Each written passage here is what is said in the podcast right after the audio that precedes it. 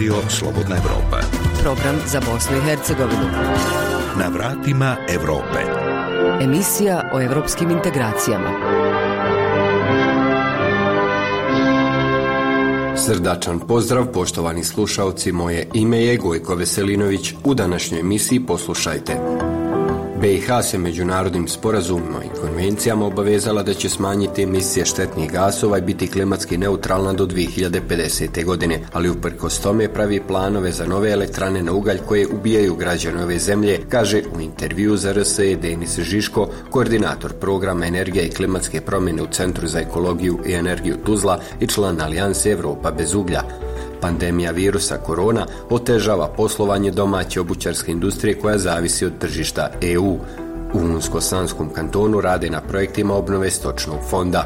U Srebrenici planira nastavak projekta solidarnosti Emaus u cilju podrške povratnicima. Grupa mladih aktivista u Mostaru kazala na problem korupcije za koju smatraju da je razlog što BiH još uvijek nema vakcina protiv koronavirusa. Sada prelazimo na najavljene sadržaje. Slušajte nas, gledajte nas, čitajte nas. Sve na jednoj adresi slobodnaevropa.org. Iako se BiH međunarodnim sporazumima i konvencijama obavezala da će smanjiti emisije štetnih gasova i biti klimatsko neutralna do 2050. strategiji i planovi koji se donose i dalje uključuju energiju dobijenu iz uglja, iako ova tehnologija nije isplativa i ubija BiH građane, kaže u razgovoru za RSE Denis Žiško, koordinator programa Energija i klimatske promjene u Centru za ekologiju i energiju Tuzla i član Alijanse Europa bez uglja. Gospodine Žiško, evo 13 evropskih država više ne koristi ugalj kao energent, a još 11 je usvojilo odluke o ukidanju uglja do 2030. u skladu sa Pariškim klimatskim sporazumom iz 2015. godine. Shodno tome do sada je zatvorena polovina evropskih elektrana na ugalju cilju klimatski neutralne planete do 2050. godine. Od zemalja Zapadnog Balkana, Sjeverna Makedonija je jedina zemlja koja planira ukidanje uglja do 2030. koja je i odustala od izgradnje novih termo termoelektrana, kao i Crna Gora i Kosovo. Sa druge strane u BiH trenutno je planirano najmanje pet projekata vezanih za termoelektrane na ugalj. Kako to komentarišite s obzirom da je BiH u novembru prošle godine potpisala Sofijsku deklaraciju o zelenoj agendi za Zapadni Balkan, čime se obavezala da bude klimatski neutralna do 2050. godine? Jedan komentar koji je primjenjiv za sve naše odluke, praktično, odnosno sve odluke naših političara, jeste valjda će se sažaliti nad nama zato što smo siromašni. Otprilike se ide u tom pravcu. Ono što se desilo u stvari u Sofiji i potpisivanjem Sofijskog sporazuma, razlog zašto su naši političari potpisali je taj zato što se uz taj sporazum veže, vežu i sredstva ovaj, za pomoć zapadnog, zemljama Zapadnog Balkana, odnosno vežu se nekih 9 milijardi eura. Tih 9 milijardi eura će biti uslovljeno, to znači sve pare će biti uslovljene prihvatanja načina na koji će Europa da se nosi sa problemom klimatskih promjena. Znači niti jedan projekat koji će biti financiran iz tih sredstava ne može biti nastavak korištenja fosilnih goriva, ne može biti nastavak ono business as usual, kako to naši pokušavaju, odnosno održavanju status quo. Razlog zašto su oni potpisali je normalno novac. Računajući, kao što sam rekao, da će se Europa sažaliti zato što smo mi, Bože moj, navodno siromašni i da mi to ne možemo baš tako brzo kao Europa. Tu se ponavlja opet ona naša priča da, da mi od svega ovaj, stvaramo problem i, i, i pokušavamo dokazati da je nešto nemoguće, umjesto da se uhvatimo u koštac sa tim problemom i da vidimo a tu zelenu tranziciju, kako se to zove, da vidimo to kao otvaranje novih mogućnosti. Jer Europa upravo tom problemu pristupa na taj način. To znači to je šansa za napredak šansa da se poslije ove krize koja je izazvana covidom, sredstvima koja će se ulagati u ekonomiju, da bi se ekonomija oporavila, ide u pravcu održivog razvoja, odnosno dekarboniziranog društva do 2050. jer ukoliko to ne uradimo, čiti nam klimatska katastrofa. Nažalost, naši političari jednostavno ne žele promjene.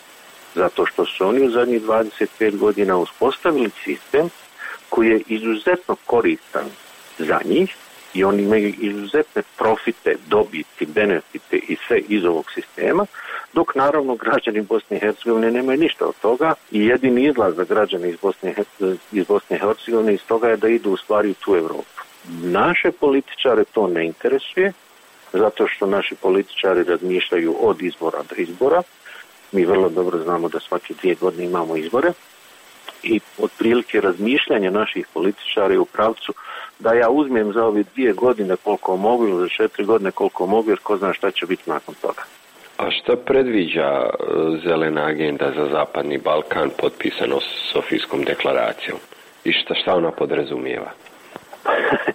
ona podrazumijeva sve ono što, što, što je praktično Evropa planirala da uradi u tom periodu od 30 godina da bi došla do tog cilja od dekarboniziranog društva do 2050. To znači trebaju se utvrditi nekakve energetske politike kojima će se posebno izvršiti dekarbonizacija planirati dekarbonizacija energetskog sistema kao, da kažemo, najjednostavnijeg sektora za dekarbonizaciju. Jer pored dekarbonizacije energetskog sektora mi moramo razmišljati i o dekarbonizaciji transporta i poljoprivrede kao dva sektora koja pored energetike najviše doprinose ovaj klimatskim promjenama. Ono što smo se mi obavezali kroz tu deklaraciju, da ćemo se, dakle, pored ostalog uskladiti sa sistemom trgovine emisijama staklene bašte, odnosno ETS sistemom, to znači bit će uvedene takse na CO2 emisije, koje će samim tim po, po, poskupiti proizvodnju a, energije iz uglja, odnosno dovešće do bankrota elektroprivrede. Zato što svi dokumenti i sve feasibility studije ili analize isplativosti energetskog sektora, odnosno ulaganje ugalj su dokazale i to su dokumenti koji su napravljeni od strane elektroprivreda, dokazuju da ukoliko se uvede i, i 5 eura po toni CO2 emisija, da će elektroprivreda doći u bankrotnu situaciju da, da neće moći proizvoditi električnu energiju, odnosno da neće moći vraćati kredite, odnosno da neće biti konkurentna na tržištu. Trenutna cijena tone CO2 na europskom tržištu, odnosno u sistemu ETS je 40 eura. To je jedna od obaveza, tim da, da, da to podrazumijeva isto tako takse na proizvode koji se izvoze u Europu iz Bosne i Hercegovine, a proizvedeni su energijom proizvedenom iz uglja. Tako da se to ne odnosi, te takse na CO2 emisije se ne odnose samo na energiju kao izvoz energije iz Bosne Hercegovine, nego na sve, sve naše proizvode koje mi izvozimo u Evropsku uniju i samim tim opet nećemo biti konkurentni i ovaj, nećemo moći izvoziti te cikle na, na, na tržište Evropske unije. Pa zašto se onda planiraju nove termoelektrane na ugalju u Bosni i Hercegovini? Zbog tendera. Mislim, to je sasvim jednostavno. Kao što sam rekao, naši političari razmišljaju u ciklusima od četiri godine. Investicije u blok 7 će trajati, odnosno izgradnje što bi trebalo da traje nekih 4,5-5 godina. To je upravo taj period. Vidjet će se trošiti pare. Postoje neke klauzule u ugovorima koji kažu da u samu tendersku proceduru za ono malo para koji će se podugovoriti sa bosansko-hercegovačkim građevinskim firmama, elektroprivreda donosi konačnu odluku koja firma će dobiti taj ugovor i pored toga što će kineski partner provesti propisanu proceduru, tendersku proceduru, tako da oni računaju da će tu biti ispunjeni neki njihovi interesi, a nakon toga kad dođe vrijeme za vraćanje tog kredita, pošto su oni dobili garanciju od parlamenta Federacije Bosne i Hercegovine, odnosno države BiH, da država garantuje za vraćanje tog kredita, a mi vrlo dobro znamo ko u Bosni i Hercegovini vraća kredite, obično su to žiranti, a ovom garancijom smo svi mi postali žiranti za taj kredit. U konačnici će građani Bosne i Hercegovine, odnosno Federacije Bosne i Hercegovine vratiti taj kredit. Naravno, ovi koji su donijeli odluku, nažalost to su i svi parlamentarci koji su digli ruku i glasali za o, ovaj tu državnu garanciju, oni neće snositi nikakve konsekvence, pošto niko nije nikada odgovarao za, za, za, za takve, a, ja to mogu nazvati jedino kriminalom, ovaj, u našoj zemlji i oni računaju da će biti isti slučaj sa tim kreditom, odnosno sa projektom bloka 7. E, nedavno je Savjet ministara BiH usvojio plan utvrđenih doprinosa Bosne i Hercegovine, takozvani NDC, za period od 2020. do 2030. godine, koji bi trebao da doprinese smanjenju emisija gasova sa efektom staklene bašte od strane BiH. Međutim, ekološka udruženja tvrde da su usvojeni potpuno neambiciozni ciljevi NDC plana koji se zasnivaju upravo na ovoj zastarjeloj, ali dalje važećoj energetskoj strategiji baziranoj na novim investicijama u termoelektrane na ugalju BiH. Šta je tu sporno za ekologiju i zašto? Pa dobro, to je još jedan cirkus u režiji međunarodnih organizacija, u ovom slučaju to UNDP, i lokalnih konsultantskih kuća u saradnji sa našim ministarstvima. To znači usvojen je dokument Mislim, ironija je u tome što, što je to dokument koji, koji u stvari definiše doprinos zemalja vezano za umanjenje efekta staklene bašte, odnosno umanjenje klimatskih promjena u kojem su oni napisali da će nas doprinos a, tom cilju biti postignut tako što ćemo izgraditi novih 1050 megavata instalisanih kapaciteta termoelektranama, što samo po sebi predstavlja glupost. Mislim, to se ne može drugačije nazvati nego glupost, gdje smo mi u razgovorima sa ministarstvom i sa konsultantima ovaj, koji su radili taj dokument u tim nazovimo ih javnoj raspravi koja u stvari nije bila javna rasprava po zakonu, dobili odgovor od konsultanata i od ministarstva da nema veze što je to tako napisano zato što će se i tako raditi revizija tog dokumenta za dvije godine. Tako da se vidi u stvari šta je krajnji cilj takvih dokumenta, to je da se za dvije godine opet potroši potroše sredstva koja su, da kažemo, namijenjena Bosni i Hercegovini, da se plate konsultanti da napišu ono što su mogli napisati ove godine. Gospodine Žiško, Alijansa Europa bez uglja zalaže se za zatvaranje rudnika uglja i termoelektrana na ovaj energent i sprječavanje izgradnje novih termoelektrana. E, šta nudite kao alternativu vlastima u BiH? Ovako, prvo treba da budemo jasni, jer obično nas napadaju kao, kao nekoga koji želi da zatvori rudnike termoelektrane sutra. To jednostavno nije istina. Ono zašto se mi zalažemo je da se napravi e, realan, normalan plan koji će e, definisati način na koji će se rudnici termoelektrane zatvoriti u nekakvom normalnom roku. Ovdje govorimo, Europa to planira uraditi za nekih 10-15 godina. Ne postoji nikakva prepreka da mi uradimo i napravimo iste planove, posebno ako znamo i vraćamo se opet na Sofijsku deklaraciju, da se kroz, kroz ta sredstva koja su predviđena i potpisana Sofijskom deklaracijom postoji sredstva za pravednu tranziciju, i postoji platforma za pravednu tranziciju koju smo mi opet kao država pristupili i potpisali, gdje su alocirana sredstva za pomoć područjima koja su trenutno ovisna o uglju. To znači recimo u slučaju Banovića gdje je industrija sad u ovom momentu i jedino, u stvari ekonomija 100% vezana za rudnik uglja, postoje sredstva koja bi pomogla takvim opštinama da preusmjere svoju ekonomiju u neke druge sektore i na taj način obezbijede radna mjesta za ljude koji trenutno rade u rudnicima, da se preorijentišu na neki drugi sektor, da se prekvalifikuju i da dobiju mogućnost da zarađuju za život. To je dakle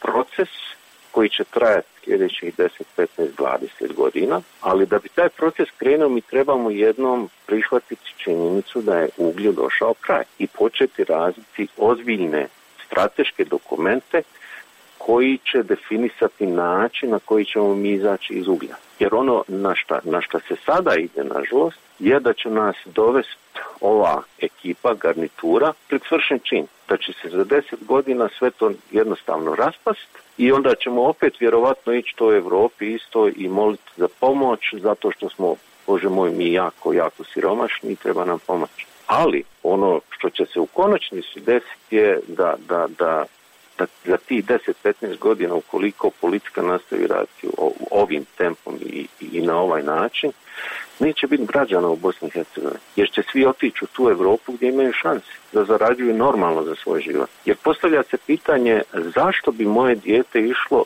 ovaj, kopat ugalj rudniku, ako može izaći u Europu i raditi normalan posao. Sredstva postoje samo treba biti dovoljno pametan i stručan da se dobiju ta sredstva. I ovdje se u konačnici radi o zdravlju građana.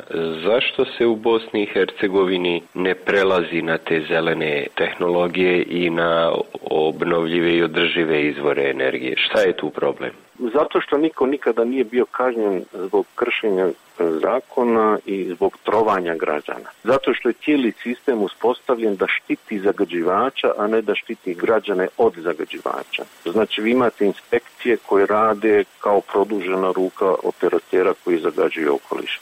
Imate ministarstva koja, da kažem, uštimavaju zakone na taj način da operator ne bi nikada bio kažnjen adekvatno i, i, i, da bi ga tom kaznom neko natjerao da promijeni način poslovanja i da prestane zagađivati okoliš i ubijati ljude. Jer gledajte, problem je što ljudi, naši građani nikako da shvate jednu stvar. Te firme nas ubijaju. To je činjenica, to znači to je naučno dokazana činjenica da zagađenje iz tih postrojenja ubija građane ove države, ne samo ove države, nego i šire. To znači oni su ubice. Sad to može tumačiti kako ko hoće, ali dokazano je da to povećava prisustvo malignih oboljenja i drugih kardiovaskularnih i svega. To znači vi imate saočesnike u ubistvu kroz inspekcije i kroz ministarstvo jednostavno se igraju ljudskim životima tako što brane operatere i uz izgovor pa znate to je mi čuvamo radna mjesta. To znači vi imate inspekcije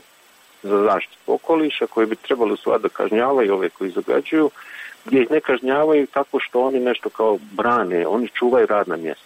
Imate ministarstvo okoliša koja čuvaju radna mjesta. Mislim, to, to, to je totalno nakaradan sistem koji, koji je opet napravljen samo da služi operaterima koji kroz takav način da ostvaruju profite i nekažnjeno prolaze dok narod umire.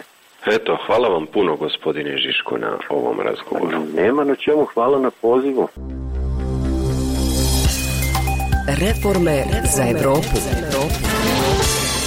Pandemija virusa korona otežava poslovanje domaće obućarske industrije koja je ovisna o tržištu EU. Evropska skladišta su prepuna neprodate obuće koja je dijelom proizvedena i u BiH, o čemu se radi ispitao je Arnes Grbešić. Situacija je sve gora. Na tržištu Evropske unije i dalje se osjete negativne posljedice pandemije COVID-19, kaže Dražen Burkanović, vlasnik firme Dado iz Dervente. Konkretno kod mene Austrije. Vezani su za zapadnu Europu, a u zapadnoj Europi je najgori lockdown. Ono što je prošle godine nas dovelo u situaciju da smanjujemo kapacitete za nekih 30%, taj negativni trend je nastavljen. Ono što smo radili prošle godine za zimsku sezonu, to ove godine ništa prodano nije, ljudima je sve u magazinima ostalo, tako da je za ove godine najave za zimsku sezonu su više nego crne. U obućarskoj industriji sada je zimska sezona, objašnjava Burkanović. Mi od februara faktički tekuće godine počinjemo sa proizvodnjom zimske obuće za sljedeću sezonu. Znači mi sada već treba da smo u veliku poslu sa čizmama, dubokim cipelama i tako dalje sezonskom obućom za zimu ove godine. A najave su jako loše, pošto kolekcija iz prošle godine vrlo je malo rasprodata, tako da su najave jako loše. Europska skladišta su puna neprodate obuće. Zbog toga su domaći proizvođači u teškoj situaciji, ističe Radovan Pazurević, vlasnik dervenske firme Sanino. Procjena je da se negdje u lagerima u Europi nalazi oko pola milijarde pari cipela na zalihi. Dakle, treba će dosta vremena da se ta zaliha potroši i sigurno da će proći dosta, dosta vremena da se tržište vrati u neko normalno stanje. Proizvodnja kože, tekstila i obuće u Bosni i Hercegovini i dalje je u velikim problemima, ali neki domaći proizvođači lakše podnose negativne efekte pandemije, napominje Pazurević. Definitivno modna obuća se nalazi u velikim problemima. Obuća vrste e, zaštitne, vojne, e, politijske, vatrogasne i tako dalje je u neko, nešto boljoj situaciji. Ponovo Dražen Burkanović. Ja sam imao početkom prošle godine tri proizvodne trake koji su radili u punom kapacitetu. Smanjio sam proizvodnju za eto kompletno jednu proizvodnju traku. Znači radimo na dvije proizvodne trake. A i to je dovedeno u pitanje ako ne bude nekih poboljšanja u snabdijevanju, mi ćemo, mi ćemo biti u situaciji da dovedemo u pitanje još jednu proizvodnu traku. Da su u najtežoj situaciji proizvođači modne obuće i odjeće potvrđuje i predsjednik sindikata tekstila, kože i obuće Republike Srpske Danko Ružičić, koji navodi primjer fabrika čiji su zaposleni članovi ove sindikalne organizacije fabrike su poslali radnike na, na zavod za zapošljavanje u toku ovaj prošle godine i početkom ove godine.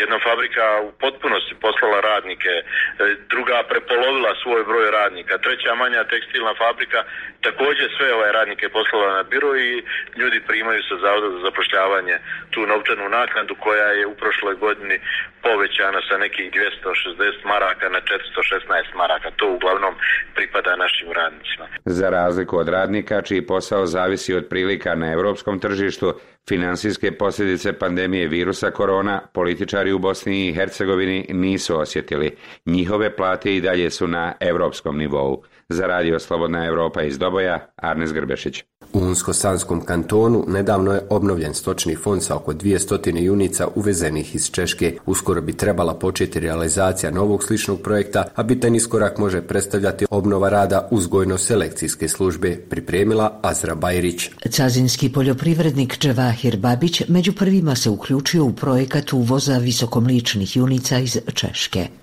to su grla vrhunske kvalitete, znači ja sam konkretno uzeo tri junice, jednostavno da napravim neki, neku probu po pitanju tih junica i kod mene su se potele ja sam ne da sam zadovoljan, prezadovoljan u odnosu na, na naša domaća grla, ta su grla uvozna ekstra kvaliteta.